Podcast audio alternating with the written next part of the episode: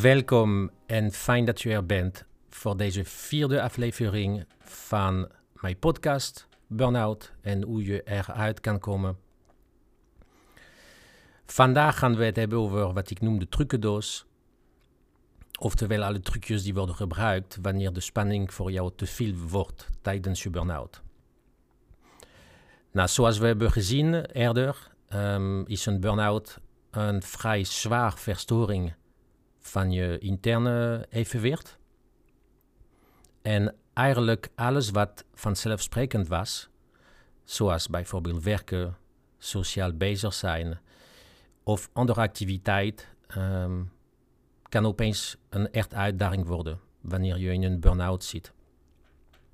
En wanneer je merkt dat je leven uit balans raakt, uh, dat je snel geprikkeld wordt, ga je vaak onbewust uh, op zoek naar tijdelijke oplossingen.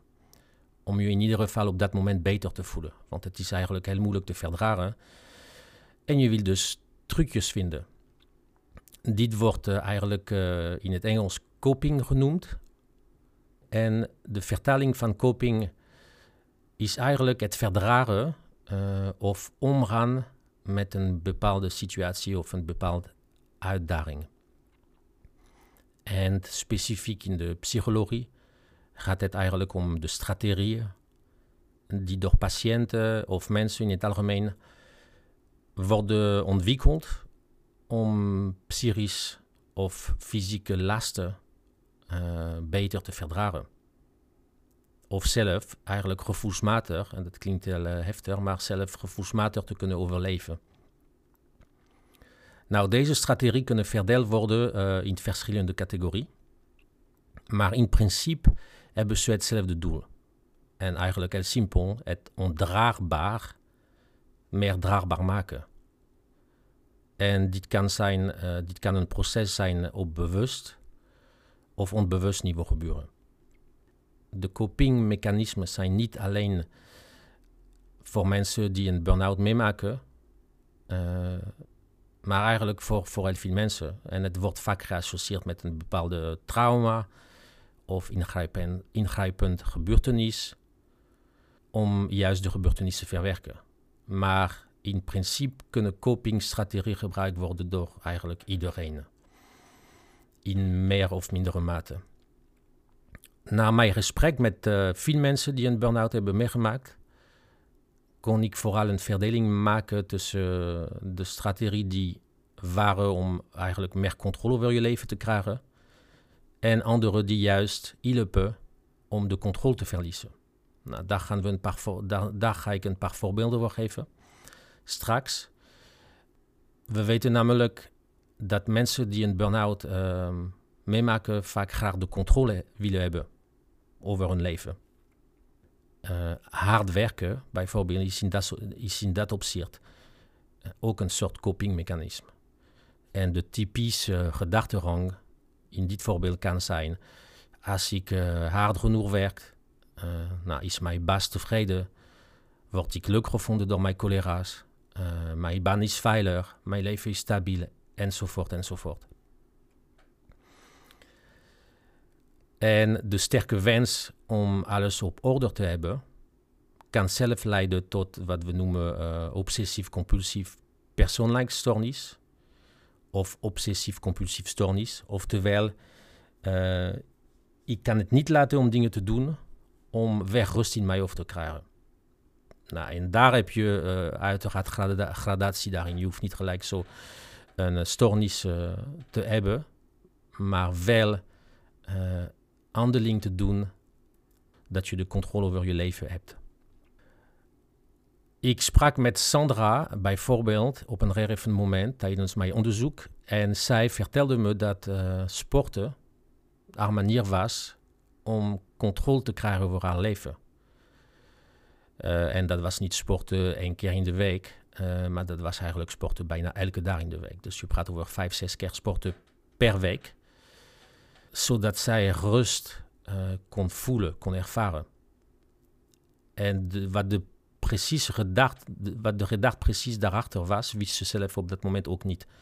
Uh, ze noemde uh, dingen zoals presteren de moeite waard zijn, het toedoen, indruk maken op, op anderen. Alleen ze kwam wel op een gegeven moment tot de conclusie dat, dat, het gewoon te veel was. En, en vooral heel geforceerd. En het plezier van sporten zelf was op dat moment eigenlijk heel ver te zoeken. Dus ze had niet eens plezier daarin. Ik had ook gesproken met uh, Julia. En zij vertelde me dat ze uh, alleen rust kon ervaren als haar hele huis tot in de puntjes opgeruimd was. En je zou kunnen denken dat daar niks mis mee is. Alleen het kreeg wel de overhand over haar dagelijkse leven. Dus ze kon het niet laten als hij op de grond was of uh, de aanrecht niet helemaal, uh, helemaal schoon was. Ja, op een gegeven moment denk, dacht ze alleen maar uh, daaraan. En dan wordt het heel beperkend voor, voor jezelf. Ook had ik toen met Owen, Owen gesproken. En Owen, die durfde, ik weet het nog, die durfde me bijna niet te vertellen. Maar wat hij, deed, is hij ging wandelen vaak met zijn hond. En hij nam precies altijd dezelfde weg. Dus voor hem uh, had, hij dat op een gegeven moment bedacht. Ja, dat was zijn manier om rust te krijgen en een soort controle te krijgen. En hij vertelde ook op een gegeven moment dat um, er waren werkzaamheden op die ver in kwestie. En dus hij moest van zijn routine afwijken. En dat creëerde voor hem heel veel onrust, tot, tot bijna een paniek, paniek toe. En dat is heel typerend van copinggedrag. Een andere veel voorkomend copingstrategie is vermijding. Je begint te vermijden bepaalde situaties die voor jou onrust creëren.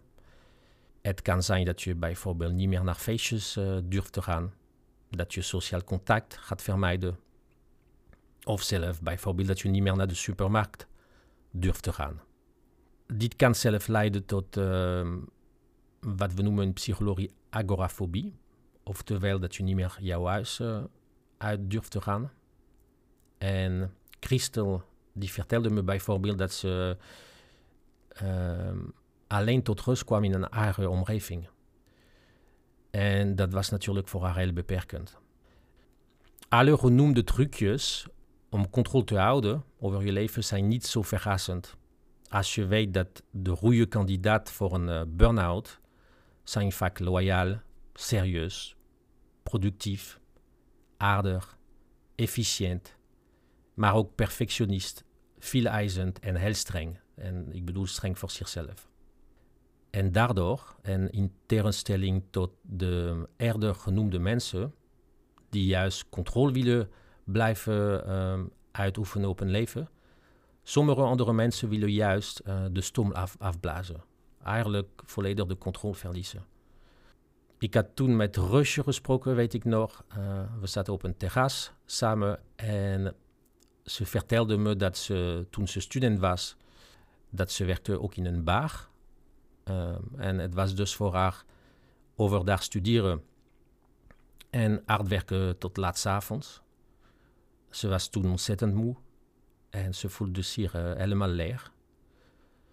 En de oplossing werd voor haar uh, eerst een uh, simpele borrel met collega's naar het werk. Te, vrij snel werd het te veel drinken, elke avond. En op dat moment dacht ze dat ze daardoor op die manier kon volhouden en, en vooral alles even vergeten. Alleen ze raakte daardoor in de problemen en eh, ze kon haar stage niet afmaken. En toen trok ze de conclusie, de harde conclusie, dat haar gedrag geen oplossing bood voor haar overspannenheid. En ze ging mee aan de slag met haar psycholoog en heeft later haar studie afgemaakt. En dit is gewoon een typisch voorbeeld van een uh, destructief uh, copinggedrag. Een ander voorbeeld van controleverliezen was van uh, Yvette, die mij vertelde over haar uh, dwangmatig kopgedrag. Ze voelde zich uh, eigenlijk beter door te shoppen. En dat deed ze bijna elke dag. En ergens wist ze wel dat het niet zo slim was. Want financieel gezien, dat, dat, ze kon ze niet permitteren. Maar wat ze ook vertelde is dat als ze niet aan het shoppen was, dan ging ze eigenlijk drinken als alternatief. of te veel eten. Totdat ze zelf uh, kon worden. En zo gaat de lijst van uh, voorbeelden van copingstrategie door. En uh, oh ja, bij mij natuurlijk was het ook zo. Um, ik had mijn eigen trucjes. Bijvoorbeeld roken was een van de trucjes. Maar ook Netflixen. Uh, en ook vermijden van sociaal contact. En dat was voor mij op dat moment de enige manier om even rust te krijgen. Rust is een uh, belangrijk punt, want dat is wat je, wat, je eigenlijk echt, echt zoekt. Rust in je hoofd en rust in je lichaam. En wat je trucje ook is, en hoe destructief het ook kan zijn, kan het ook een uh, positief functie hebben. En nu ga ik misschien geen vrienden maken door dat te zeggen, maar ik geloof wel zelf uh, dat die trucjes juist en hoe destructief ze ook kunnen zijn, ook een onderdeel van je genezing kunnen zijn. Wat mensen namelijk goed moeten beseffen, is dat mensen met een burn-out al maanden en misschien vaak jaren um, in een gespannen toestand leven. Ze zijn altijd klaar om te presteren, altijd klaar om te pleasen, om mensen niet teleur te stellen. En dan kan je begrijpen dat manier zoeken om juist de stoom af te blazen is, uh, is eigenlijk heel logisch. Het nadeel van coping gedragen is dat het gefocust is op een um, korte termijn oplossing. En het draagt in dat opzicht vaak niet bij aan je genezing. Het, het is net uh, een pleister. Je verstopt wel je wonden, maar je geneest het niet.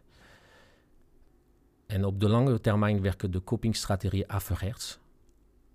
En zijn of beperkend of zelfs schadelijk voor je. En hoe langer je een copinggedrag in stand houdt, des te moeilijker uh, wordt het om ermee te stoppen. En het is in dat opzicht net een verslaving.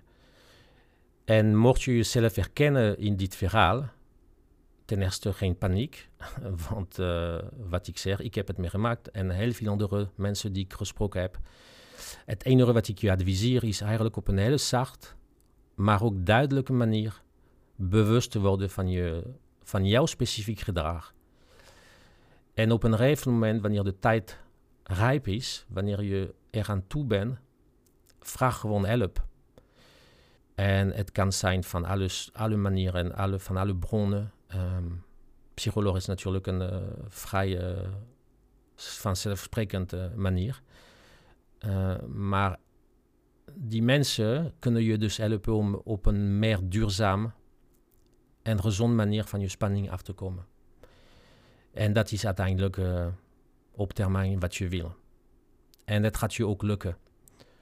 Dus voel je niet anders um, door wat je meemaakt. Uh, het, het, is allemaal logisch. En het gaat je lukken door de juiste hulp te vragen. Dat was het voor vandaag. Ik wens jullie een hele fijne week. En tot de volgende aflevering.